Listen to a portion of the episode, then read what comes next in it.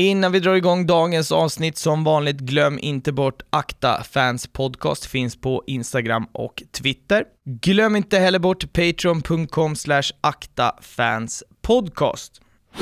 Att supporta sitt lokala lag har varit en diskussion som varit genomgående i podden och idag tar vi det till sin spets. Den första klubben Stefan någonsin hörde talas om var Helenelunds IK under 70-talets mitt och han behövde inte höra något mer. Nu närmar han sig 50 år runt klubben och följer klubben närmare än någonsin. De är inte många, de får inget rampljus, men när tipset trillade ner från en trogen lyssnare om en herre som pushar 100 raka matcher, så blev jag såklart intresserad. Med allt detta sagt så vill jag säga ett stort välkommen till Äkta Fans Podcast, Stefan Thorén. Tackar, tackar. Hur är läget med dig? Jo, det är helt okej. Det börjar ju bli varmare och skönare ute nu så att nu, nu ser jag fram emot sommaren. Fast mm. bandysäsongen känns avlägsen just nu kan jag säga. Ja, det förstår jag, det förstår jag. Är det tomt så här årsförd? Du har ingen annan liksom idrott att du har något fotbollslag eller sådär, utan det är bara bandy för hela slanten för dig, eller? Nej, jag går på lite matcher i alla möjliga sporter också faktiskt. Men eh, bandy är ju nummer ett helt klart för mig alltså. Så är det. Mm. Mm. Jag vet inte riktigt när vi ska släppa det avsnittet. Det kan vara så, ska jag säga till er som eh, eh lyssnar, att det kan vara så att just nu när ni lyssnar på det här, om ni lyssnar om måndag när det släpps, att jag är och dricker paraplydrinkar i, i, i Grekland. Det vill jag skicka med er sådär att ni ska tänka eh, på mig när ni knallar till jobbet så här måndag morgon. Men skit i det, vi är ju här för att prata om dig och din supporterresa och en ytterligare en klubb som jag på förhand, jag, jag ska säga, jag har nu har inte du lyssnat så jättemycket på podden, men de som, de som lyssnar vet att jag har eh, sämre koll på bandyn. Uh, jag vet, Helene Lund vet jag eh, vad det är, men jag kände inte till klubben sen innan, så att du, du ska få lägga ut texten där helt enkelt. Ja, ta oss fr från början. Vi kan ju börja med så här, du har väldigt många år på läktaren. När är du född om vi startar där? Eh, ja, det var länge sedan. 1970, så är jag 50 plus nu då. Så, ja. Och jag har väl följt HIK, om man säger aktivt, sen jag var... Jag gick ju med farsan på bandy när jag var liten, men de sista åren har det blivit lite mera ja, nästan hysteriskt om man säger så. Mm. Fast på ett, sätt. ja, vi kommer komma in på det, att nu, nu har det blivit, alltså som sagt, det, det har varit en väldans massa år, men det har blivit aktivare och aktivare så att säga. Men jag, jag vill liksom ta det från, från början. Som du har berättat för mig så är det här, alltså HIK då som vi kommer benämna det, är, det är det första liksom idrottsförening, idrottsklubb som du någonsin har talas om. Berätta liksom om vart fick du det här ifrån från början så att säga? Eh, ja, det började med att jag spelade knattefotboll i HIK när jag var liten. Jag är uppvuxen i Helenelund som ligger i Sollentuna för de som inte vet exakt. Norr om Stockholm kan man ju säga för de som lyssnar utanför Stockholm. Ja, precis, mm. exakt. Mm. Och eh, både jag och min syster spelade fotboll i Helenelund när vi var små och även vår pappa spelade till han var nästan, ja, någonstans runt 35 la han av. Mm. Han, eh, det dessvärre inte livet nu längre. Men eh, vi växte upp med Helenelunds IK och då var det ju bandy och fotboll som var klubbens stora grenar. Men de var ju bättre i bandy. Men jag var aldrig någon skridskotalang. Så att, och inte syrran och inte farsan heller. Så det blev fotboll för oss alla mm. tre då. Mm. Det här är alltså någonstans, vad pratar vi då, i mitten på, ja. på 70-talet. Vad är din första, liksom, första minne från bandy då? Eh, det var när jag var liten. Det var nog alltså, jag började spela fotboll kanske när jag var 6-7 och sen hängde jag med farsan på bandy. Det var på gamla Helenelunds IP som fortfarande ligger kvar bakom Helenelundsskolan.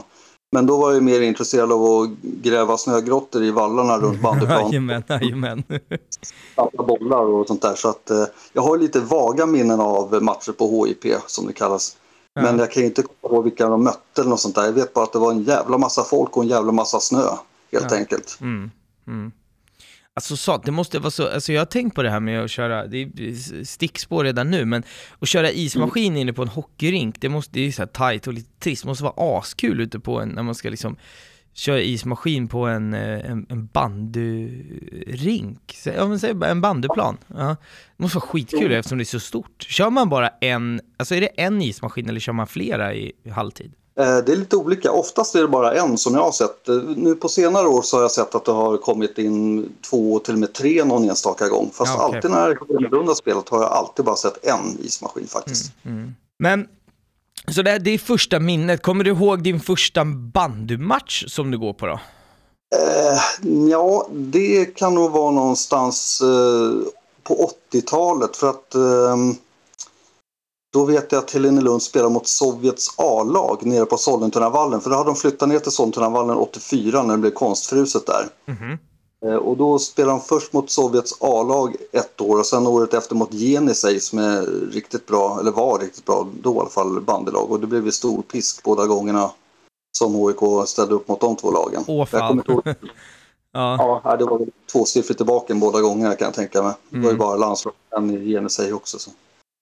Men du berättade någonting, eller du skrev någonting intressant till mig, att de hade liksom tänkt till med, med matchtider och matchdagar på, på den här tiden. Då pratar vi alltså kvart över ett. Eh, på lördag. Ja, på lördag. Vad säger man i bandy? Det är inte avspark, det är inte tekning, vad är det? det är avslag. Avslag? avslag. Ja. Vad va sjukt att det går att använda avslag i något helt annat. Ja, nej, det, det visste ja. jag faktiskt inte. Eh, men eh, okej, okay. så du, du, du berättade själv att i, alltså, idrottsintresset har du ju fortfarande idag, du har bandy men du går på lite matcher där, men på, på den här tiden då, då är du alltså någonstans ung tonåring. Då var det bandy på lördagar, kvart över ett och sen var det hem och kolla tips, tips extra. Var lite ja. det som blev liksom, liksom basen på idrottsintresset sådär i tonåren? Ja, och det var, liksom, det var lite så att eh, farsan gjorde ju likadant. Det var eh, ner och kolla bandy och sen var det precis lagom till när man kom hem så var det tips extra. Då, då hällde farsan upp en grogg och kollade på tips extra. Och mm. Jag satt bredvid tv-soffan och, och höll tummarna för mitt kära Stoke City i fotboll då samtidigt. Så. Jag tänkte fråga faktiskt vad du hade för favoritlag i England. Du tillhör ju den generationen liksom, som alla har ett eh, ett, ett, lag i England och det är sällan de här stora giganterna i, idag. Det är alltid någon sån här skön Leeds eller Stoke eller något sånt där härligt.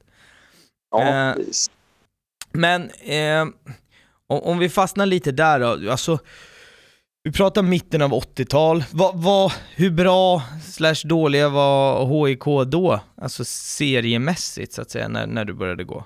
Eh, de spelade i division 1 som på den tiden var näst högsta serien. För då var ju bandyn uppdelad i norra och södra allsvenskan. Det var högsta serierna. Okay. Och sen var det division 1 under i fyra, alltså västra, östra, södra och norra.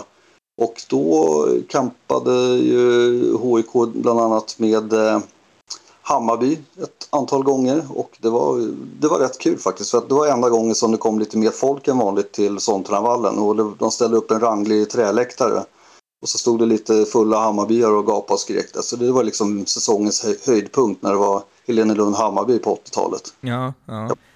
Var, var det liksom lugna tillställningar? Alltså generellt så 80-90-tal var ju rörigt. Jag, jag har ju fotbollen närmast, men var det liksom, det var bara lite så här skön fylla innan tips extra på lördagar. Lugnt annars eller? Ja, jo precis. Jo, det var väldigt städat. Det, det tycker jag verkligen att det var. Jag, hade väl, jag var själv någon, jag har aldrig varit någon röjare om man säger så, utan jag har ju mest hållit mig vid sidan om när jag sett att det har blivit stök någonstans. Men på bandymatcher har jag väl aldrig upplevt att det har varit några stökigheter faktiskt. Mm, mm. Men eh, jag tänker så här att vi, vi ska väl man vill ju få det i någon slags kronologisk ordning, så på 80-talet så var det mer liksom du, du och din, din farsas grej. När började det liksom bli mer på allvar för dig det här med supporterskap? Eller kände du det redan då när du var så 14-15 att liksom, identifierade du dig själv som en, jag är liksom en, en bandysupporter eller var det en kul grej? Så att säga. Det var nog en eh, en blandning av båda dera faktiskt. För att eh, farsan blev ju risig sen på slutet av 90-talet och gick bort 99. Mm. Och lite var det så att eh, när han inte kunde vara med sista åren när han var för sjuk för att gå på bandy, då gick jag faktiskt själv. Så att jag tog liksom över den där stafettpinnen på något sätt. Han hade fått mig att börja gilla bandy och jag tyckte det var skitkul att gå på bandy. Och sen när han blev risig då gick jag och då blev det mer och mer intensivt för mig. Mm. Men det fanns ingen, liksom, ingen supporterklubb som stod och hejade på HIK på den tiden, det var ju i princip stendött förutom när Hammarby kom då och mm. sjöng och hejade. Ja, då var det, Var det så? några som gick dit eh, bara för att de inte tyckte om Hammarby. Så fanns det ett motståndarlag att heja på, typ så eller? Ja, jo, ja, precis. Så kan man ju se det också. ja, Men alltså det, det blir ju så eh, Mm. i, i, i vissa fall när, när, när så här stora publiklagen eh, kommer lite så. Men Mm. om, om vi ska ta liksom HIK som eh, klubb, eh, eller som Mm. förening, vad, alltså i, idag huserar man ju i, nu får du rätta mig här, det är division 1 östra, stämmer det? Precis, det stämmer bra det. det. Det känns som det är HIKs riktiga hemmadivision. Det är där de har varit nästan hela tiden under alla år jag har eh, följt dem. De har varit och gästspelat i allsvenskan när det var, fast då är alltså näst högsta serien allsvenskan. De har ju bytt namn på serierna fram och tillbaka ett par gånger, precis som i hockeyn och sånt där också. Mm, Så mm. ibland vet jag inte på vilken nivå det är, men de har aldrig spelat i högsta serien, Nej. Helenelund. Har du känt, liksom du som har lärt dig att älska bandyn så att säga, har, har- har det varit någonting som du har saknat och har det varit så att, alltså, klubben i sig, har de haft ambitionen eller har det bara varit liksom nöjda med att vara kvartersklubben som ligger i division 1?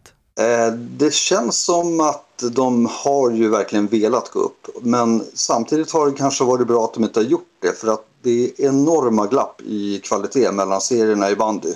Det har jag märkt genom Eh, Ett lag som går upp från division 1 upp till allsvenskan som det heter nu då. Mm. De får ju nästan alltid jobba skiten ur sig för att hänga kvar. Eller värva rejält. Mm. Och sen lika nästa snäpp från allsvenskan, allsvenskan upp till elitserien. Det är lika, eller det är ännu större glapp där skulle jag vilja säga. Så att eh, på det sättet så har det varit kul att se HIK spela och nästan alltid tillhöra toppen i division 1 östra. Men när det har dragit ihop sig till kval uppåt då har HIK inte räckt till. Och ibland har man blivit lite frustrerad över det men i, i samma veva kan man tycka ja men det är kanske bra ändå för att vem vill se att de åker på 0-15 och 1-22 i varenda match om de går upp. Så att det är lite så här balansgång om man säger så. Mm, mm. Men, men hur, hur ser det ut, alltså, nu pratar vi bandys tredje division, det är smalt det här ska gudarna veta med, med folk som lyssnar och som, du som inte är så hemma, alltså, jag har inte lyssnat så mycket på podden, alltså nivån är ju att vi har haft Arsenal i, i, i fotboll som gäst, vi har haft lag från Tyskland, alla stora Stockholmslagen i fotboll, så det här är nog liksom det smalaste vi, vi har landat i, men ack så intressant tycker jag när vi ska komma in och prata om er resa som ni är inne på nu med pushar hundra raka och, och, och sådär. Supporterskapet är ju äkta liksom oavsett sådär, men jag tänker Ja. att kan, kan du så här när du, när du kollar tillbaka på det, känns det liksom vad ska man säga, känns det lite surt att man inte har fått uppleva liksom lite större matcher eller större lagen eller när du ändå älskar sporten så att säga? Att man inte har fått bränna till eh, ja men Zinken nu kanske, eller så här Sandviken, Edsbyn, de här lite eh, namnkunnigare klubbarna så att säga. Ja, både och. Eh, det är ju så att visst, jag har ju gått på större matcher i, både, i alla möjliga sporter Mm. också. Mm. Och jag har varit i England hur mycket som helst och sett Stoke då. Så att, Mm. eh, eh, men vill jag uppleva riktigt härligt drag på en bandymatch då kan jag gå på Zinken till exempel en annan dag när det är 7000 och jag har varit på, på x antal bandyfinaler också Mm, så att jag mm. har ju upplevt det här också. Mm. Men eh, jag tycker det liksom är rätt skönt att gå ner på Sollentunavallen eller åka iväg på bortaresa med, med gänget. Mm. Och ändå, alltså vi utgör ju liksom 10% av publiken i princip Mm, när mm. vi är på plats. Mm. Och det är en rätt häftig känsla och det känns som att vi, vi är väldigt uppskattade när vi står där och viftar med flaggor och sjunger och hejar. Mm. Och tillhör man en stor klack som hejar på ett stort lag då är man ju en av flera tusen. Nu är vi en av sju, åtta stycken liksom varje. Mm. Det blir lite mer påtagligt på något sätt tycker jag. Ja, det, det, jag, jag förstår den. Jag har aldrig upplevt den själv, ska, ska tilläggas, men jag kan förstå verkligen den, den, den känslan. Men eh, när, när du pratar, det är en fin brygga in när du pratar om det här gänget då, så att säga. Eh, The Londoners, jag vet inte om jag uttalar det rätt faktiskt, men Ja. det är någonstans 02.04 så, så händer någonting. Du ska få lägga ut texten och berätta vad det är som de facto händer då.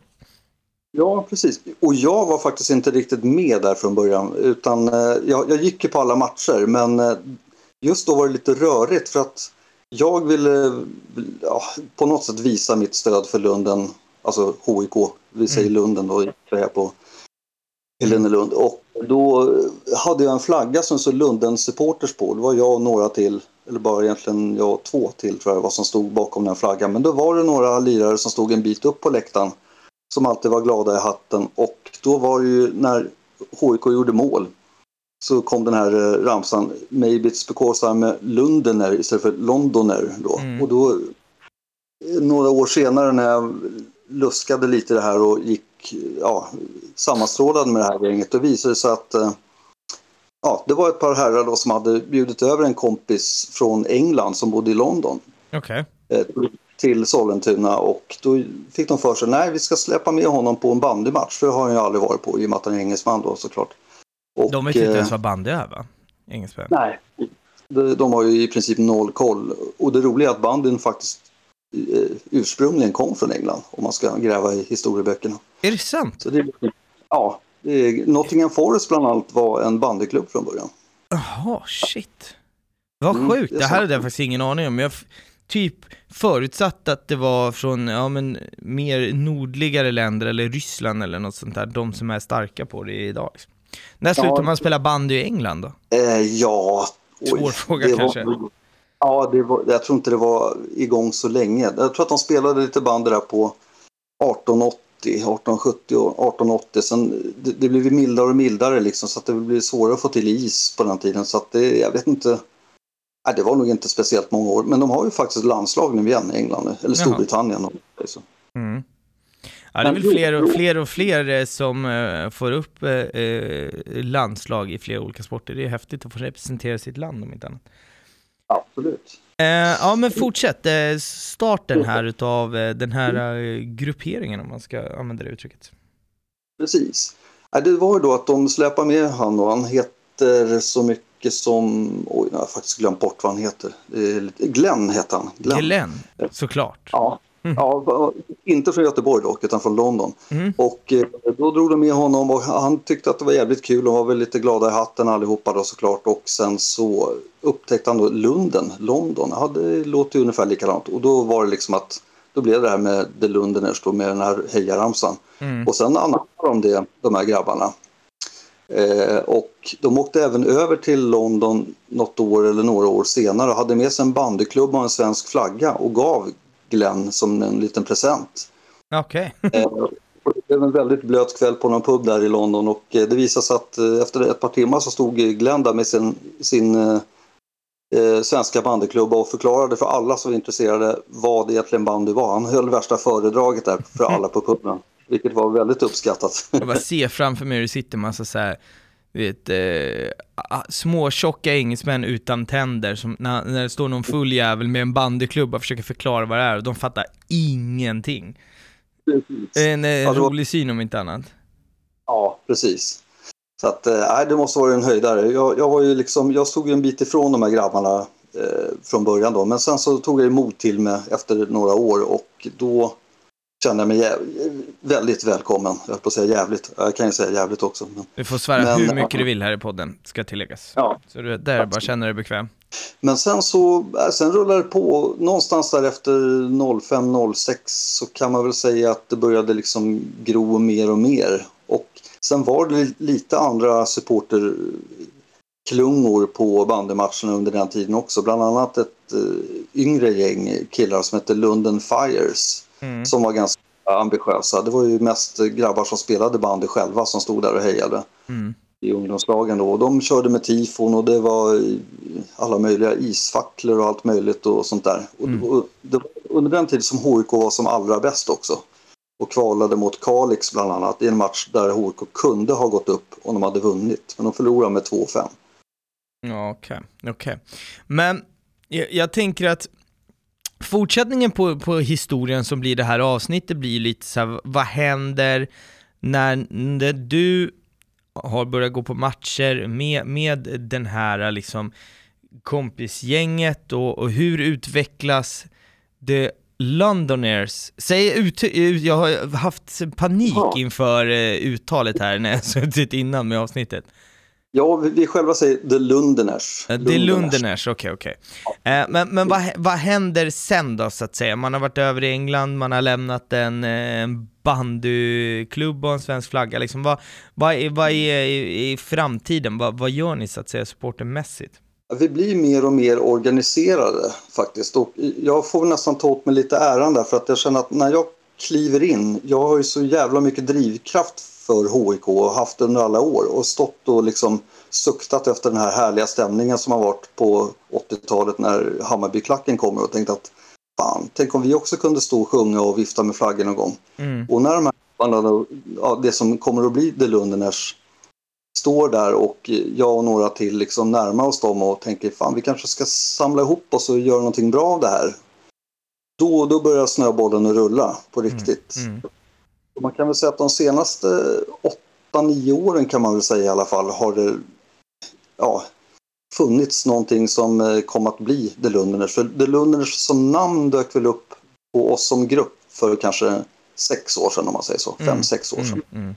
Men du, har- du har själv berättat lite om så här, äh, ja men eh, med, med flaggor och sådär. Och, och det, det är väl liksom, det man inte får glömma i det här avsnittet tror jag, det är hur eh, förhållandevis småskaligt det, det är. Eh, men det är också det som, som, som i alla fall jag tycker är det fina i det. Men liksom flaggor och tifo och sådär, du har berättat själv att ni har haft lite svårt att få till tifo, ni är inte så jäkla många, men det, det målas flaggor och, och, och så vidare. Berätta om den delen i, i ert sportskap. Ja, precis. Eh, Det var väl så att eh, ja, det var nog redan när jag var kanske 14-15 så gjorde jag min första Lundenflagga. Det var ett vitt tygstycke som jag bara skrev med svart tusch på och det gick väl åt 4-5 pennor innan jag var klar med den där flaggan. Mm. Och den är faktiskt fortfarande kvar i en låda någonstans. Eh, sen var det ju väldigt mycket i och med att eh, jag, jag upptäckte att om man ska beställa su, alltså supporterartiklar i Sverige så är det ju väldigt stora volymer man måste beställa. Det ska vara 50 stycken eller åtminstone 25 flaggor. Och, alltså vi är inte ens i närheten om det antalet i och med att vi är max 10 stycken om, om Mm. ens det på Mm. matcherna. Men jag hittade ju faktiskt en jättebra eh, firma i Polen som jag beställde flaggor från bara för några år sedan. Och det var toppklass och det var ju svinbilligt dessutom. Mm. Eh, där- Mycket där- supporterattiraljer och pyroteknik och sånt som har gått via Polen genom, eh, genom alla år. Alltså, de är grymma där. Ja. Precis. Och det, det underlättar ju som bara den. För ända fram till bara kanske för tre säsonger sedan så var det ju ja, flaggor som jag gjorde själv i princip. Mm. Riktigt så hemmagjorda fast man känner sig lite larvig när man står och liksom limmar ihop textil med textillim med flaggor när man är 45 plus som jag var då. Men eh, jag tänkte jag måste ju ha någonting i alla fall att hänga upp på räcket och eh, stå och vifta med. Men Du, sen, eh, du vet, nu är du på hemmaplan här. Du kanske du Ja. känner så här, det är lite töntigt, men jag tror att det sitter väldigt många som lyssnar som eh, tvärtom det du tycker, tycker fan vilken eh, häftig snubbe som gör det. Så att, eh, här, här behöver du inte skämmas för eh, här, jag tror det är helt tvärtom. Här är ryggdunkningar istället. Ja, det, det värmer i sådana fall. Och jag kan ju säga det när man ser alla Stockholmslags tifon, vilket otroligt jävla jobb de gör. Mm. Jag är så jävla imponerad när man ser de här mäktiga tifona som är i samband med derbyn och stora matcher. Mm. Så det, det, det är helt sjukt vad, fan vad bra, vad bra ni jobbar måste jag säga. Det, jag är så imponerad av det där. Mm, mm. Jag vill bara slänga in en liten parentes här. Ja, men absolut, absolut. Men ha, det, så att egentligen så, så du har liksom varit eh, drivande hela tiden och de andra har, har hängt på. Är det, är det så jag ska tolka in det här i att eh, ni har att ni har någonting levande, eh, liksom, det, det ligger på dig eller? Hur, hur ska jag tolka det? Ja, jag vet inte om jag liksom eh, sticker ut hakan men, det, det känns som att alltså, gänget som ändå fanns där från början när den här engelsmannen Glenn kom över, alltså, de, har ju, de hänger med fortfarande och det är ju de jag har att tacka för att det ens finns The Lunderners. Men jag var nog en vitamininjektion när jag klev in för att jag blev så jäkla driven och tänkte fan vad kul, nu kan det bli en klack för en gångs skull Mm. efter alla år. Och jag har haft tusen idéer och jag har till och med liksom kontaktat HIK om förslag på souvenirer. Kan vi inte ta fram det och det och det och det? Och ibland får jag liksom bromsa mig själv för att det blir för mycket. Jag inser att vi är bara 7, 8, max 10 pers och publiksnittet för HIK senaste säsongen var 75 pers liksom. Så att det, det är inte Milan eller Barca. Nej. Precis, så att det, ja, ibland får man bromsa sig själv. Så är det. Mm. Så, Men, men hur har liksom publikutvecklingen eh, sett ut då? Du har ju en jävla horisont att, att titta på liksom. Har det alltid varit 75 pers sedan du började gå 80? Eller eh, har det, varit, har det funnits liksom toppar och dalar? eh, hur, hur har det sett ut så? Det har varit väldigt dåligt med publik överlag i, alltså på HIKs matcher. Men det är nog det så kallade supportersyndromet i Stockholm. Det är, vi har ju tre stora bjässar som drar åt sig all Mm. publik i princip. Mm. Och sen har vi- alla de här småklubbarna får ju slåss med näbbar och klor för att ens få dit eh, tresiffrigt antal supportrar. Det har man ju sett. BP i Allsvenskan var ju ingen höjdare heller när de hade sina 1500 pers på sina matcher. Så att, eh, Varav typ tusen var eh, barn, alltså, eller spelare i deras akademi. Ja, precis. Nej, det, det, det är lite synd alltså. Det är väldigt svårt för alla klubbar runt Stockholm som inte är de tre stora att dra publik. Och HIKs publiksiffror har väl sett nästan likadana ut genom alla år. Det var lite mer, alltså när jag var liten och växte upp där och hängde med farsan, för då var det alltid över 100 pers uppfattade jag det som då i alla fall. Mm. Men sen blev det ju lite svacka med, alltså HIK gick ihop med AIK i bandy ett år också. Det var ju en sån sak som fick många att sluta gå faktiskt på bandy. Okej. Det var en lite en misslyckad fusion kan man säga. Men Det här vill jag höra mer om. Det här, jag, som AIK, nu, nu ska gudarna veta att jag har dålig koll på bandysessionen, men fan, det här har flugit rätt över mitt huvud. Jag var inte så gammal här heller, ska väl tilläggas. Men eh, vad vad är detta? Ja, 2002, 2003, eh, 2000, ja just det, 2002, 2003 hette klubben HIK AIK. Det stod till och med på text-tv, kommer jag ihåg, att Okej. HIK plus AIK är lika med sant. Och jag som då har följt HIK genom alla år och ganska nära, jag, jag anade att det var någonting på gång. Mhm. För att AIK hade haft sin eh, bandysektion och eh, under många, många år, men så la de ner den 75 eller något sånt där tror jag det var. Eh, Men sen fick de för sig att de ville starta upp den igen och jag vet inte hur det gick till. Det här finns ju folk inom HK och AIK som man kanske ska korsa och höra lite mer, men jag, jag vill nog inte veta alla detaljer ärligt talat. Men det blev i alla fall så att eh, AIK kontaktade HIK, eller om det var tvärtom. Och eh, själva idén var att eh, OIK skulle fostra och få fram bra spelare som skulle sl- slussas in i AIK. Och vi skulle bli en direkt farmarklubb till AIK. Oh, Och det det, det här är ju jättespännande. Alltså, hade det här hänt idag så hade det blivit liksom Oj vilka skriverier. Det, är det finns ju lite sådana e- exempel, HTFF i fotbollen och, eh, och, och lite sånt där. Det där är ju, så får man inte göra i, idag, alltså väldigt så tabubelagt. Men eh, Mm. ja, spännande här, man får eh, en li- liten, med, med AIK-kopplingen också, väldigt, Ja. ehm, jag förvånar mig om inte annat att man eh, gjorde så utan att liksom skämmas. Men, men hur var det för, för er då, så att säga, när, när AIK kliver in? För jag kan tänka mig att, eller jag gissar bara, nu har ju du liksom HIK, det är eh, din klubb, punkt, men det har väl säkert funnits folk, alltså funnits folk genom åren som, som har knallat ner på era matcher och som kanske går på någon av de tre Stockholmslagen när de spelar också så att säga, att man har två lag så, var det folk som var så här, fan jag hejar på Bayern i, i, eller jag hejar på Djurgården, jag tänker inte blanda mig in i AIK, jag skiter i det här nu. Eller? Mm. Jo, ja precis. Äh, Det, det var en väldigt märklig tid alltså för att eh, jag eh, personligen gick bara på en match den säsongen. Det var första matchen. För det var under den här tiden som jag, jag nämnde tidigare att det fanns en annan klack som hette Lunden Fires, de här ungdomarna i HIK. Mm, mm, De var väldigt aktiva. För bara något år tidigare så hade ju HIK kvalat, eller 01-02 kvalade ju HIK mot Kalix och kunde gått upp om de hade vunnit men missade det. mm, Så HIK var ju som bäst, det här var deras topp om man säger så i bandy under, här, under den här tiden. Och Mm. då tyckte väl AIK att oj vad bra, då kan vi ju liksom få en väldigt bra trupp. Ja. och eh, det slutade ju med att eh, ja, Lunden Fires hade laddat som bara den inför ett tifo premiärmatchen den säsongen mot Gustavsberg. Och de kom dit och brände av tifot och sjöng hela matchen och sen så var det punkt slut för de ville inte ha någonting med HIK och AIK att göra mm. och inte jag heller. Så att jag gick ju mest bara för att se deras tifo och liksom eh, ta lite kort på dem och sådär när de höll på att stå och flaxa med flaggor och så. Mm. Sen gick jag, hela den säsongen gick jag på B-lagets matcher bara för att stilla min bandyabstinens. Så jag gick på Lunden, B- Lunden BK, alltså de, de, de var nere i division 2 på den tiden då. Det var liksom direkta B-laget i HIK. Men alltså det känns Så- som att, hur många divisioner går bandyn ner till?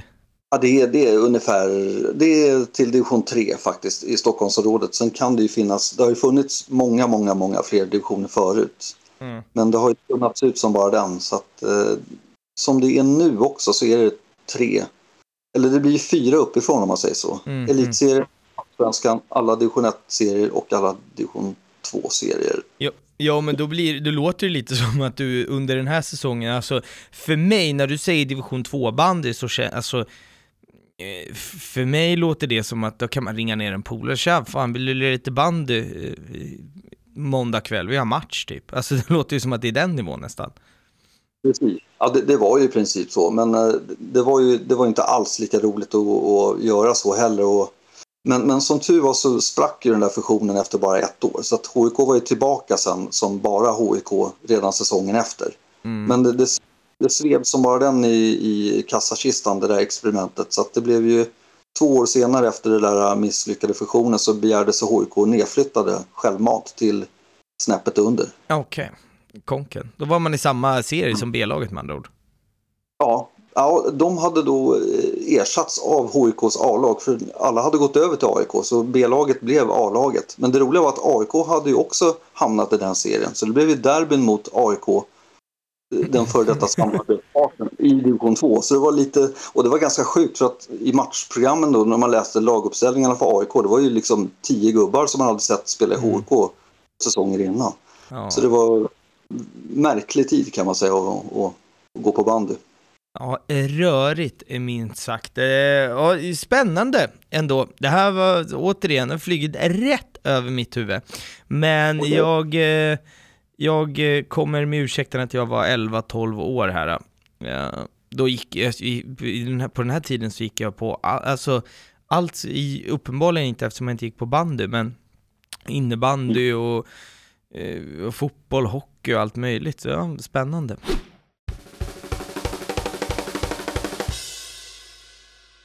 Hörni, jag tänker att vi ska köra ett litet, fan ska vi säga reklamavbrott här då? Som jag har gått ut med så kommer jag att köra podden live den 11 juni. När det här avsnittet släpps så ska det finnas biljettlänkar och så vidare på Instagram och Twitter.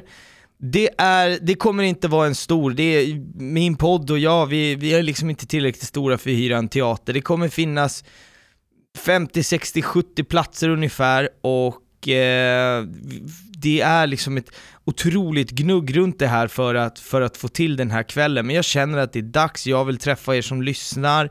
Så att köp en biljett, skulle göra mig skitglad. Kom och, och lyssna på lite livepodd. Det, det är Eh, kommer finnas en gäst från varje stort Stockholmslag på, på plats. Vi ska se till så att det finns lite snacks och lite bira som man kan eh, köpa här. Så att, kom hit och umgås, lyssna på lite podcast, ta dig en öl och eh, gör mig evigt tacksam.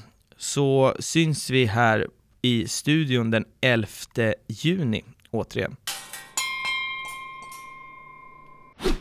Så där, då var vi tillbaka från det lilla avbrottet. Jag tänker att eh, du har själv nämnt att du har varit med och hjälpt till liksom med, med souvenirer och sådär runt klubben. Jag vet inte, hur tänker man där när det är så få människor? Precis som du sa så är det ju svårt att liksom köpa in 400 halsdukar, för de, de säljer ni ju inte liksom. Hur, hur har ni jobbat runt liksom, souvenirer och sådär? För att som jag förstår, du har ju en otrolig stolthet i din klubb och du vill ju bära liksom ja, men, eh, merch från, från din klubb. Hur, hur, hur har det liksom sett ut för dig? Ja, det har ju varit en liten krokig väg där. Men HIK har varit ganska duktiga själva på att ta fram till exempel mössor. Det har kommit hur många olika sorters mössor som helst genom åren. Mm. Men jag la ju fram förslaget då, kan vi inte göra en halsduk? Eh, och de sa, jaha, eh, ja hur gör vi då? Och då, då tog jag liksom saken i egna händer och gjorde en, extremt basic eh, design i Paint på min dator och mejlade över dem. Och det funkade faktiskt. Den blev ganska bra och den har de liksom haft. De tog väl fram hundra stycken då i första given. Mm. Och den sålde väl, jag tror de tog fram hundra till rent av och sen så gjorde de en liten finjustering på den. De ändrade någonting i själva texten på loggan för det var lite grötigt. Mm. Men den, jag tror totalt har de nog sålt åtminstone 250 eller 300 stycken av min lilla Paint-halsduk. Så att jag är väldigt nöjd med det måste jag säga. Mm. Det, det, det, det, förstår jag eh, verkligen.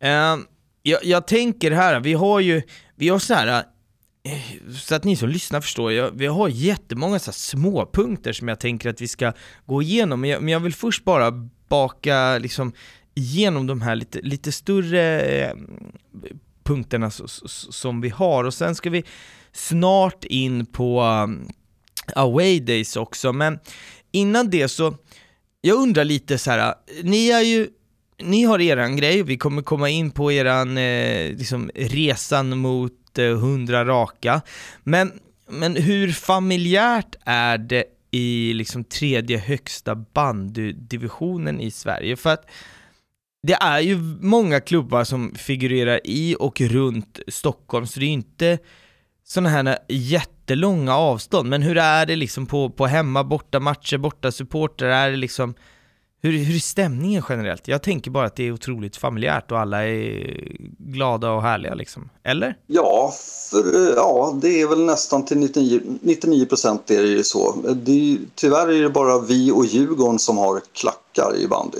Djurgården kommer alltid med folk till Sollentunavallen och vi åker alltid till Östermalms IP och sjunger. Och mm. det blir lite kamp mellan oss två. Det är, det är faktiskt säsongens höjdare kan jag nästan säga, mm. rakt av. Men sen är det, vi åker till Gustavsberg och GT som håller till i nya hallen här, Gubbängen. Och sen eh, Spånga. Spånga IP är den mest otrevliga arena du kan överhuvudtaget tänka dig att besöka. Det blåser orkan jämt. Okay. Om det är minus 2 på termometern då får du klä dig för minus 22 för det är svinkallt där. det, det, är ingen bortaresa man ser fram emot, kan Nej. man säga. Men det, det, är väldigt trevligt i och med att det är väldigt nära till många, många arenor runt om i Stockholm. Mm. Och det, det, är kul att det är inte speciellt svårt att ta sig runt och se alla de här derbymatcherna om man säger så. Mm, mm. Men... det är ju inte... Ja, fortsätt, fortsätt. Ja, sorry. Eh, det är inte mycket folk på de matcherna heller. Där ligger väl HIK nästan bland ja, högst publiksnitt om man jämför alla de klubbarna förutom Gustavsberg för de har mer folk i princip alltid på alla matcher. Plus att de, de spelar på nyårsafton jämt hemma. Oh, Okej. Okay. De har det som tradition och det är jättetrevligt. De hade över tusen pers när vi var där för, eh, nu blir det två år sedan ja. Och då vann ju HIK dessutom. Så att det var ju extra trevligt. Ja, det har du sagt var... faktiskt, att det blev lite dålig stämning och lite grinigt där. Berätta om det. Eh, ja, fast det, var faktiskt nu senast, den, ah, okay. den här säsongen. Ja, mm. okej, okej, okej. Ta ja, den ändå när vi ändå är där, eller?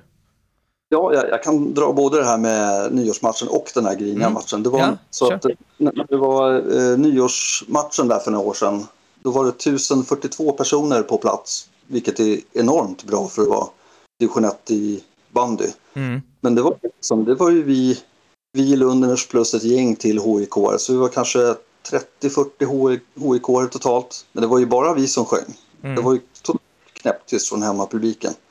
Vilket jag, jag, jag, kan liksom inte förstå att de inte kan dra ihop någonting när de ändå är så många. Mm. Det räcker med att någon bara drar igång världens enklaste hejaramsa. Men nej, totalt knäpptyst. Så det, men det är lite kul att komma ett gäng lite på kanelen och sjunga och, och så vinner HIK dessutom. Det blir ännu roligare. Mm, mm, mm.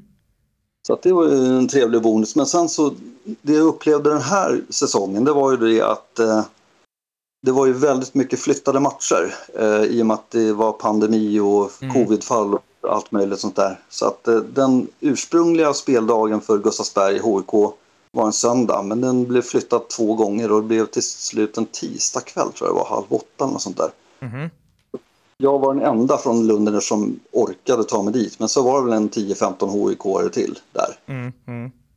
Då hamnade vi på samma läktare som några eh, lite halvgriniga hemmasupportrar. jag vet inte varför de var griniga för att Gustavsberg hade faktiskt vunnit mot HIK i matchen innan på Sollentunavallen och passerat HIK i, i tabellen och gick upp på första plats. Mm. Och den här kvällen vann de igen med 8-3, vilket var HIKs största förlust på jättelänge. Mhm. Men jag upplevde ändå att det var, det var så här grinigt, griniga kommentarer och allmänt otrevligt. Och det var liksom, jag, är, ju- jag är den som tyvärr käftar emot ibland när jag blir liksom så här irriterad på folk som säger dumma saker. Mm. När de gjorde 3-0 eller 4-0, åh bra, fan vi kommer vinna med 10-0 säger någon dryg rackare till höger om mig. Då sa jag, ja det spelar ingen roll hur mycket ni vinner med för nu kommer jag ändå inte gå upp i kvalet. Mm. Vilket de inte gjorde sen, så det var ju lite pricksäkert att sätta den kommentaren faktiskt. Mm. Mm. Men jag, jag vet inte varför. de- De borde kunna få ihop en klack, Gustavsberg. Jag, jag är jätteförvånad och besviken på att de inte har fått ihop en klack. Jag, jag kan liksom inte förstå vad det är som hindrar dem att bara sätta igång och sjunga. För de har ju publikunderlaget. Mm, mm. Ja men intressant, vi ska, jag tänker att vi ska studsa in på Away Days, jag vet inte om du är bekant med, med segmentet Away Days, men du har ju själv nämnt liksom eh, ett gäng bortamatcher, jag har som ett segment i den här podden när man, när man bara liksom man tar dem i ett sjok sådär. Så att jag tänker att du ska få, eh, vi börjar med Nora, ska du få ta oss med till 2019. Precis. Ja, det är väl den roligaste matchen jag varit med på, alltså på bortaplan med HIK. Även om det blev förlust med 3-6. Men det var ju... Vi var sex stycken som åkte över till Nora. Vi var fem som åkte dagen innan på lördagen och sen kom den sjätte på söndagen då. Men Mm. eh, det var ett glatt gäng kan man säga. Vi åkte ju från eh, Sollentuna då först in till city, Stockholm city och sen tog vi tåget till Örebro. Så var vi inne på Örebro ölhall där och tog ett par öl och sen tog vi slutligen bussen upp till Nora och där var det ju som en vinterstad. Det var ju, alltså Örebro var det lite snö men Nora bara några mil därifrån där var det en halv meter snö. Så det kändes som att vi in rätt in, så här, in i en sagovärld på något sätt. Det var hur mysigt som helst där. Mm. Och så visade det sig att han som äger hotellet där som vi bodde på, lilla hotellet mitt i stan, han var ju en gammal av, eh, en av våra medlemmar i klacken då. Så det var ju lite roligt att ja, de började ju liksom surra om eh, gamla minnen från eh, Sollentuna-tiden och sånt där. Så det Mm. var rätt kul. Och sen var det ju utgång då på lilla byn där och träffa massa trevligt folk och åt gott och drack gott och eh, sen slocknade vi ovaggade på kvällen här kan man säga och eh, de, när det var matchdag sen på söndagen så gick vi ner till Nora stadshotell och då visste HIK, alltså laget om att vi var i Nora redan för vi hade checkat in på Facebook där dagen innan. Mm. Så de, eh, vissa ledare kom in på Nora stadshotell och tittade till oss innan matchen och då var vi ju liksom på gång in och satt och laddade inför matchen. Vi hade till och med skrivit en specialkomponerad ramsa dagen till ära när vi var där i Nora. Då. Det finns en någon gammal visa som heter Tre små gummor som handlar om tre små gummor i Nora. Men vi skrev om den tre små lundener, eller sex små lundeners i, i våran textvariant.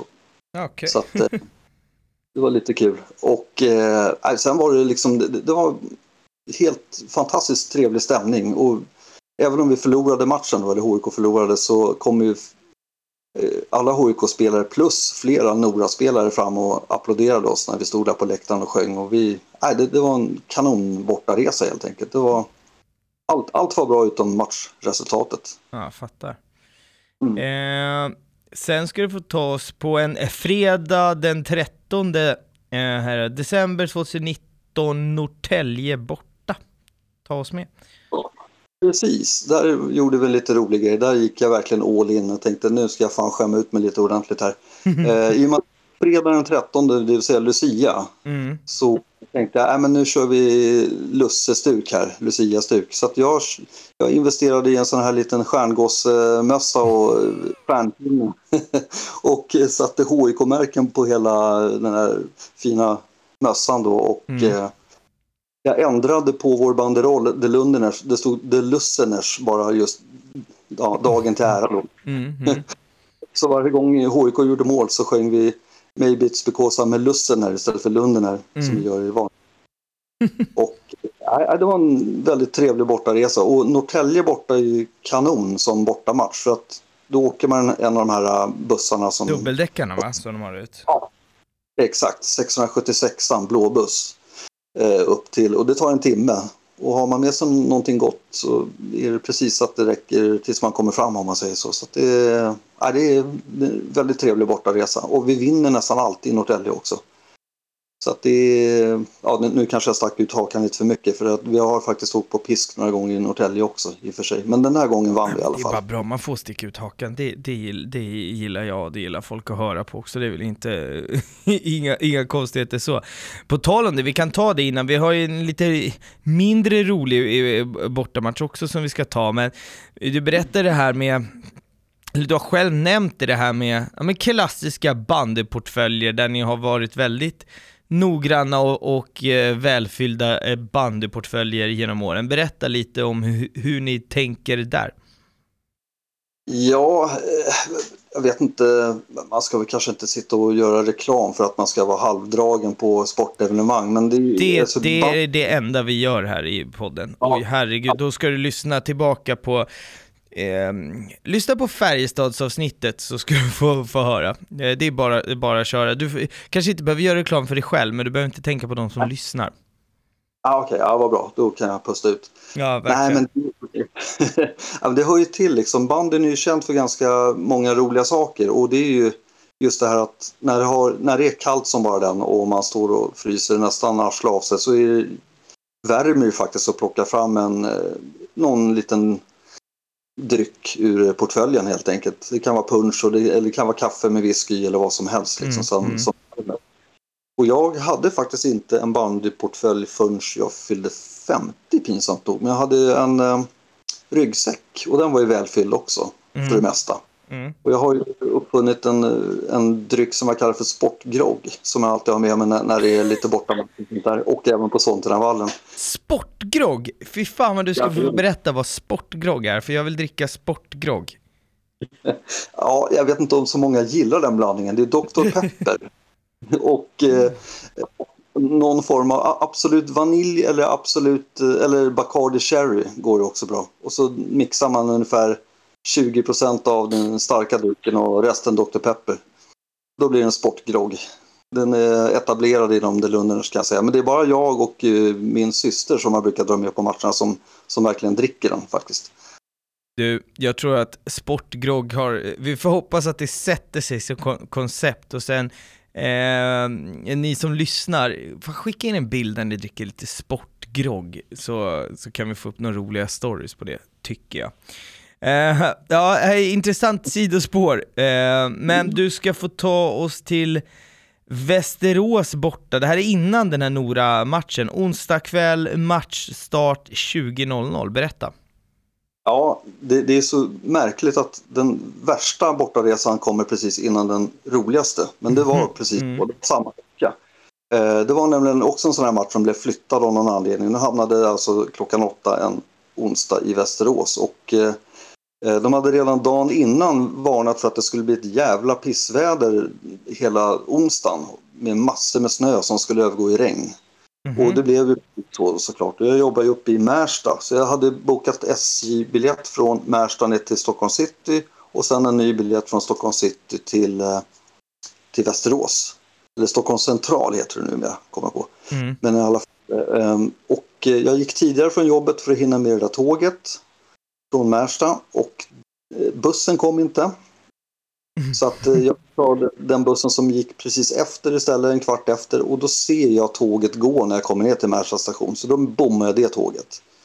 Så det var bara, det var ju det där. Då fick jag ta pendeln istället från Märsta till eh, Stockholm city som det då heter. Och sen skulle jag ta mig från Stockholm city upp till Stockholm central. Men då upptäckte jag, i och med att jag åkte pendel, det gick ju mycket, mycket långsammare än om jag hade åkt det där SJ-tåget som jag ville hinna med. Mm. Så att när jag kommer fram till, eh, till stan då så har jag en och en halv eller två minuter på mig att springa genom hela tunnelbanesystemet och sen den här långa tråkiga gången. Mm. Och det är ju helt kört också. Så då, då, båda de här biljetterna, de var ju förbrukade då. Eh, så jag trycker i mig en, en eh, burgare där på Donken uppe i, i övre hallen på Centralen så köper jag i alla fall en ny tågbiljett då. För det, gick i alla fall att åka till Västerås lite senare. Mm. Men då visste jag då blir det verkligen på målsnöret att jag hinner till matchen börjar. Eh, Så jag kliver på tåget där och så puttrar det iväg och så tänkte jag ja äntligen, jag kom i alla fall iväg. Även om det var snöstorm och jag hade bommat två tåg och bränt två biljetter. Men då blir det strömavbrott. Nej, i, I höjd med Kallhäll, Jakobsberg där någonstans. Och tåget står helt still och allting bara slocknar. Och det, ja, det pågår en kvart. Jag tänkte nej det är fan inte meningen att jag ska kunna ta mig dit. Det verkar som att ingenting vill gå min väg liksom. Men eh, strömmen kommer tillbaka och tåget rullar vidare till Västerås och då är jag där 20 över 7 tror jag, någonting sånt där.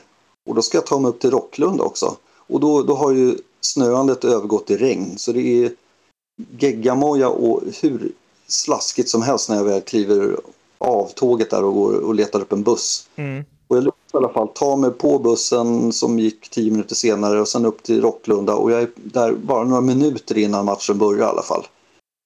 Och eh, matchen spelas dessutom utomhus, vilket inte är så jävla roligt när det är spöregn vid den här tiden, tiden på dygnet då när det har övergått från snö till regn. Nej. Så jag står där och försöker göra mig så liten som möjligt och inte bli så blöt och jag har i alla fall en regnjacka på mig som tur är. Mm.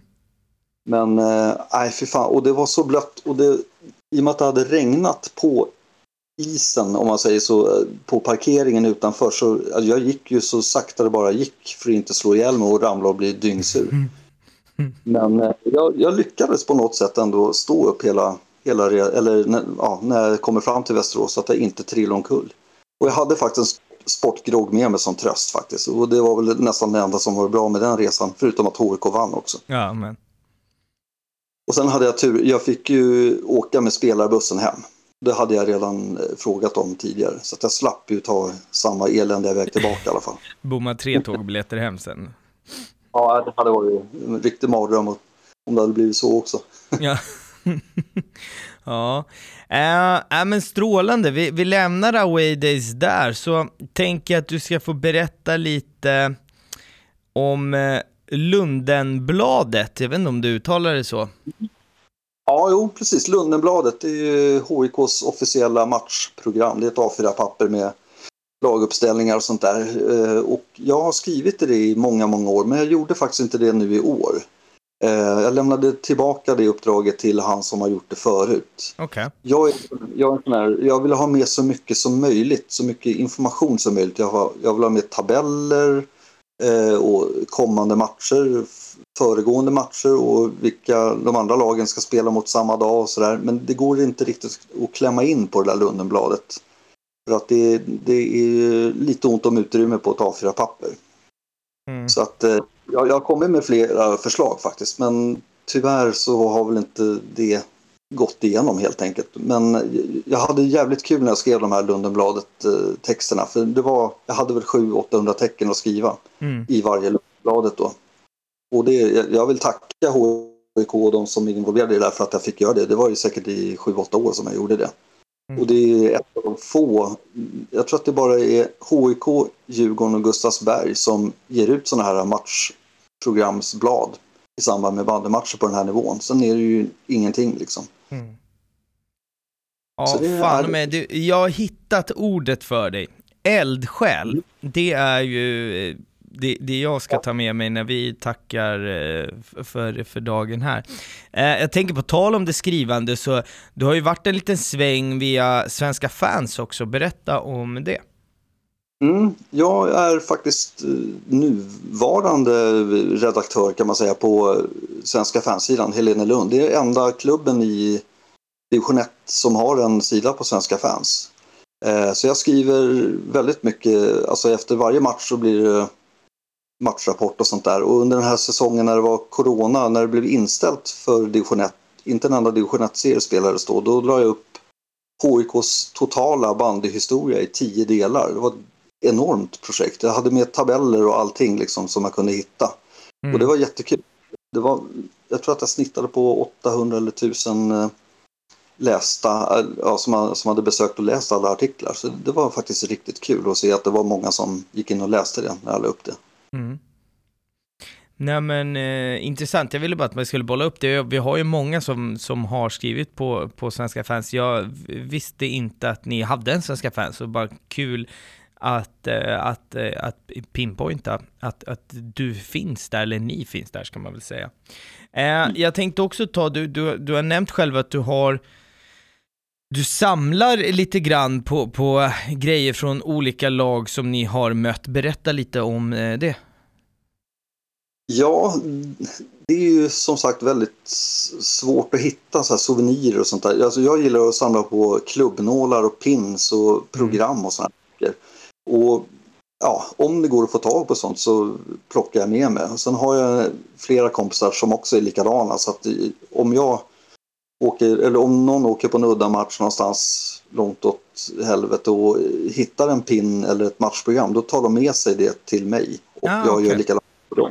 Så, så, vi, liksom, vi förser varandra med eh, souvenirer hela tiden. Mm. Men jag har inte köpt några eh, halsdukar och mössor och sånt med andra lag. För det vet jag inte om jag skulle liksom vilja ha heller. För de vill man inte ta på sig. Det är ju bara HIK-saker jag vill ha på mig om man säger så. Pin är ju lätt att samla på i och med storleken på dem. Det är väl eh, skönt om inte annat. Men Eh, en, en, annan, en annan fråga som dyker upp, i, i bandyn så är ju liksom den heliga dagen är ju annandagen. Är det annandag bandy i, i division 1 också, eller tillhör det bara högsta serierna? Hur ser det ut? Det är, ja, det är alltid annandagen, förutom någon enstaka gång. Det skulle varit en uh, annandagsmatch för 5-6 säsonger sedan, GT76 mot Helenelund, men mm. GT har ett ganska tätt samarbete med Tellus. Mm. Och då hade Tellus Hammarby skulle spela i elitserien på annandagen så att då flyttade faktiskt GT matchen till 27 istället och det blev ju väldigt avslaget. Kan jag säga. Mm. Men annars så är det ju faktiskt det är ju annandagsbandy för jämnan för HIK. Vi har ju spelat massor med hemmamatcher och bortamatcher och jag har ju varit eh, med när det har varit 300-400 pers på Sontenavallen förra året när det varit annandagsmatcher. Mm. Och det, det, är häftigt faktiskt. Det, det är liksom bandys nationaldag nummer ett. Och sen har vi nummer två är ju finalen. Mm. Så det, det, är lite roligt att en så liten sport som bandy har två dagar där det är när folk går i princip man ur huset för att kolla på sin favoritsport och sitt favoritlag. Det tycker mm. jag är häftigt. Verkligen, verkligen. Sen har du också varit med och tagit fram en, en, eh, en, eh, nu ska vi se, namnet så jag sätter det. Helene Lund Lager också, berätta om det. Ja, Helene Lund Lager, ja precis. Eh, det är ju så då att det finns ett bryggeri i Sollentuna som heter just Sollentuna Bryggeri och eh, det hör hemma uppe i Rotebro. Och det är en kille som heter Stefan Klint som har det. Eh, han gav ut den första ölen hette då Rotebro Pale Ale då, i och med att Rotebro måste vara först i och med att han bor där uppe mm. såklart. Eh, sen så kom eh, det en liten tävling då på Facebook på hans eh, bryggerisida. Ja, nu ska vi lansera en, eh, en lager. Har ni några förslag på namn? Och då la jag fram förslaget Helenelund lager. Mm. Och då blev det Så det, det, var lite kul att jag fick namnge. Det var, för mig var det solklart att det skulle bli Helenelund då, mm. givetvis. Men jag tänker lite så här att eh, vi är på väg här nu att börja knyta ihop säcken sådär och det, det, det som intresserar mig med dig är just det som jag nämnde här för en liten stund sedan, att du är ju en otrolig eldsjäl. Eh, du har brunnit för ett lag som har legat i bandyn, som inte är Sveriges största sport, i den tredje högsta ligan i, i, i hela ditt liv och jag vill bara liksom så här, jag brukar avsluta podden, eller jag avslutar alltid podden med frågan vad är supporterskap för dig? Men jag, jag vill bara liksom så att vi tar den frågan lite eh, lite öppnare här, där vi bollar lite vad, vad, liksom vad supporterskap är för dig och hur du ser på det och just den här biten med att supporta sitt lokala lag och inte välja storklubbarna och sådär. Alltså om jag bara frågar brett sådär, hur, hur ser du på supporterskap? Eh, nej men alltså det är väl ett sätt att eh, ha roligt med folk som är likasinnade. Alltså jag, jag älskar ju Helenelund och jag älskar sporten bandy och jag tycker bandy är en underbar sport i det avseendet att det är ju nästan aldrig några stökigheter och det är liksom inga kravaller och sånt där. Jag har aldrig sett någon tillstymmelse till det på varken på HIKs matcher eller på någon annan match heller. Och då har jag varit på ett gäng bandyfinaler också. Sen visst, alltså jag kan in, ja, det är svårt att liksom bara vifta bort de tre stora lagen. Det, det finns väl ett lag av de tre stora som också håller lite varmt om hjärtat såklart. Men eh, när det är, för mig är HIK nummer ett mm. när det gäller supporterskap, helt klart. Och eh, det är en ganska rolig resa just det där med The Lunderners. Från det som var en, en liten suddig början som inte hade någon struktur till att det blev en väldigt bra struktur. Och att vi nu är på väg mot hundra raka matcher. Det är ju det är riktigt häftigt faktiskt. Jag, jag tycker att det är skitkul att liksom ha varit delaktig och varit den som kanske har dragit, liksom suttit längst fram och fått det att bli den här resan. Mm. Och det är där jag vill att vi ska landa nu, det är ju liksom avslutningen och ihopknytningen av det här avsnittet. Berätta mm. lite om liksom starten och tänket på den här resan och jakten efter hundra raka. Vart startar allt och berätta liksom hur det fungerar och vilka matcher och så vidare. Berätta om 100, eller resa mot hundra raka. Ja, egentligen skulle man kunna säga att det kommer nog egentligen bli 101. Eh, eller den kommer ju pågå den här resan. Men det roliga var att HIK eh, spelade sin sista match i det som var alltså näst högsta serien, allsvenskan mot Ljusdal. Mm. 2016 eh, var det, ja. Just det. 2016-17, ursäkta. Och sen efter dess åkte de ner i division 1 östra. Och sen har de spelat där i alla år och då har jag tänkt så här, ja, men nu, nu är det mycket lättare att gå på matcherna när de inte flänger runt i hela Sverige. Så att, då hade jag som målsättning, nu ska jag se alla matcher den här säsongen. Mm. Så blev det en säsong. Så, så, såg jag alla den säsongen också och så blev det en till och så blev det liksom, det bara byggdes på. Sen när jag var någonstans uppe mot 60-65 i rad så insåg jag, fan det här går ju att få ihop till 100.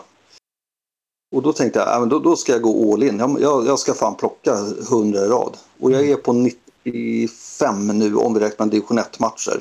96 om man räknar med den här Ljusdalsmatchen, men jag är nog villig att räkna bort den för det, det ser snyggare ut med 100 division 1-matcher i rad mm. än 99 plus en om man säger så. Mm.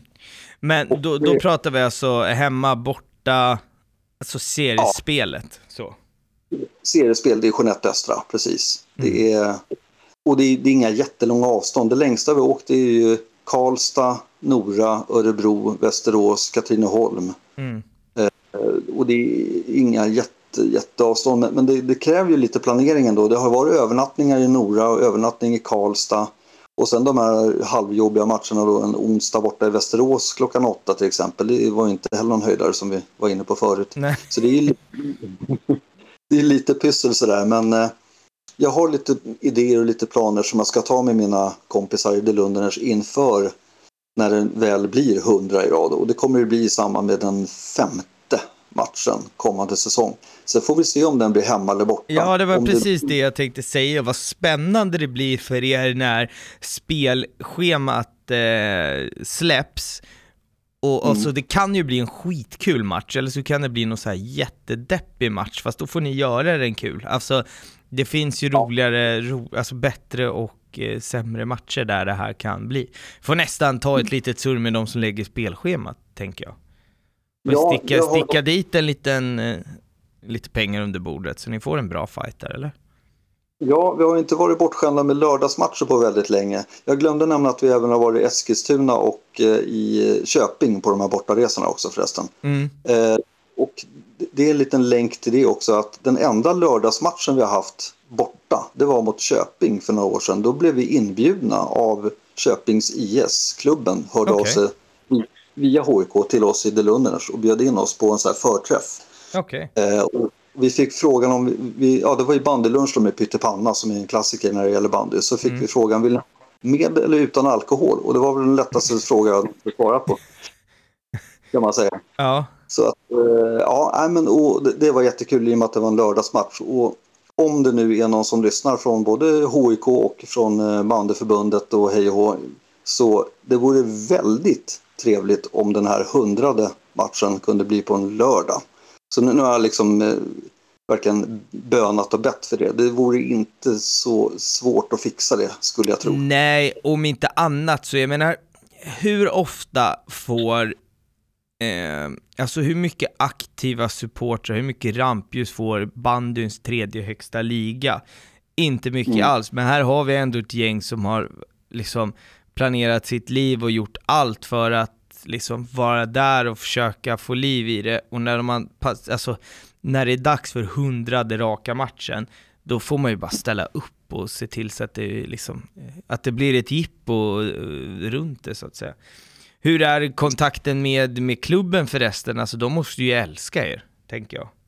Ja, jo absolut. Vi har eh, jättebra kontakt med HIK och spelarna är ju framme och gör vågen framför oss efter varje match som vi vinner i alla fall. Ibland gör de att förlorar och åker bara av, av banan. Men, men vi har ju delat ut pris till bästa spelare i HIK i flera år i rad och eh, alltså, vi är väldigt positiva. Det är inga hatramsor och sånt där. Nej. Utan vi, vi, vi gör ju PR för bandyn. På våran banderoll som vi har så står det vi värnar om svensk bandykultur. Mm. Vilket jag tycker är, det, det sammanfattar verkligen oss. Vi är urpositiva och vi älskar bandy och i synnerhet Hellenelunds IK. Mm. Och vi vet att, eh, att alla inom klubben och spelarna tycker att det är skitkul att några, några halv, halvdragna lirare står och sjunger och viftar med flaggor på varenda match. Alltså det, det, det är så ovanligt på den här nivån som det sägs att det är bara roligt på något mm, sätt. Mm. Ja men verkligen. Eh, innan vi ska eh, tacka för, eh, för oss här, är det någonting annat som du känner som vi har missat eller som du vill lägga till eller sådär? Eh, ja, en, en, rolig detalj jag vet inte, även om man kanske inte är helt hundra på eh, bandespelare så finns det ju en legend som har spelat i HIK som heter Björn Butta Johansson. Mm -hmm. Han gjorde ju många mål som helst. Han gjorde över tusen mål totalt när han avrundade sin karriär i Enebyberg som är lite så här kändislag. Mm. Eh, han spelade i Selånger, Sirius, Örebro och Vetlanda förutom HIK och i sin debut i Selånger 86 då gjorde han sex mål i sin alltså debutmatch i högsta serien. Mm. Eh, som en liten rolig 50-årspresent till mig själv så fick jag faktiskt hans, en av hans gamla matchtröjor signerade. Så den hänger nu på min vägg hemma här, faktiskt i lägenheten i Sollentuna. Mm. Så att jag, jag att det skulle vara kul att nämna det. För Björn Butta Johansson, han spelade även fotboll i AIK för den delen också. Okej. Okay. Det här, nu är vi inne på, det här är finsmaka, bandyfinsmakarnas arena här. Eh, så det, jag vet inte hur många som sätter referensen här, men de som gör det blir nog, eh, får nog ett stort leende på läpparna, kan jag tänka mig. Mm. Precis. Ja. ja, men annars, vet jag väl inte om... Ja, jag, jag tycker vi har hunnit beta av väldigt mycket mm. av, av det mitt supporterskap handlar om. Jag tycker det, ja, det, det, det är någonting som jag inte ångrar en sekund över att jag har liksom valt att, att köra det här racet och eh, just med de här hundra i rad hägrande inom en ganska snar framtid. Och den, den, kan ju förmodligen byggas på, men jag har inte som målsättning att, att liksom köra 200 eller 500 eller 1000. Säg inte det. nej, man nu, vet aldrig. Nu är du igång. Ja, precis. Ja. Nej, men det, det som jag vill säga innan vi, innan vi stänger det här är väl att jag är... Jag visste att att det skulle bli smalt här, men jag är så glad att jag tog tipset. Vi får väl slänga en, eh, en liten shoutout till Peter som jag vet att han lyssnar. Det är hans tips och, vi har varit i kontakt om det sådär. Jag är glad att jag hamnade här för att någonstans så är det precis det här jag vill eh, ja, men det, det, här jag vill belysa med den här podden, det behöver inte vara de största lagen, det behöver inte vara den mest namnkunniga, men det du gör, du är ju en eld, eldsjäl och är otroligt äkta i ditt supporterskap och har vikt ditt liv till en klubb som folk knappt vet att den existerar. Vilket är så mm. otroligt häftigt och det, det ska du verkligen ta till dig att jag eh, du äger min största respekt och jag tror att de som har eh, lyssnat, eh, där äger du samma respekt också. Tack, det var väldigt eh, trevliga och värmande ord. Ja, det, det, finns ju många tokstollar i världen. Nu jag kan väl eh, med led och säga att jag är en av dem i alla fall. Men det är ingenting, ingenting jag skäms över. Jag är tvärtom jävligt stolt över att jag har valt att heja på HIK så helhjärtat som jag gör. Det tycker jag att du ska vara också. Och återigen så jag nämnde det i introt, det här med att supporta sitt lokala lag är någonting jäkligt fint och som jag hoppas och som känslan är att i alla sporter att man eh, mer och mer tar till sig. Det dyker upp eh, unga killar och tjejer som, som liksom vill dra igång grejer på, på sina lokala lags läktare och det tycker jag är så jävla häftigt och någonting som jag uppmanar alla till att, att, att fortsätta med. Uh, så, sådär. Det blir väl slutorden här. Nu, nu vet jag att det är många som lyssnar och som förväntar sig att jag ska ställa frågan vad är supporterkultur för dig? Vi, eller vi tar den ändå fast vi har pratat om det. Om du ska få korta ner då, vad är supporterkultur för dig?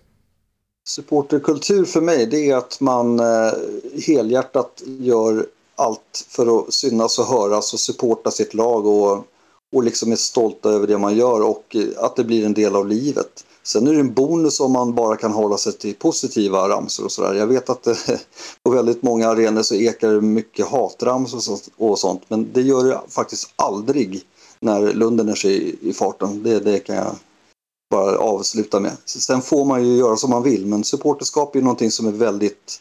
Det, det, det är liksom engagemang så det bara sjunger om det. Och det, det jag tycker det är häftigt. Det, det är samhörighet och eh, passion för någonting som man inte bara kan släppa utan det, det, jag tror att det präglar hela ens liv faktiskt. Mm, mm.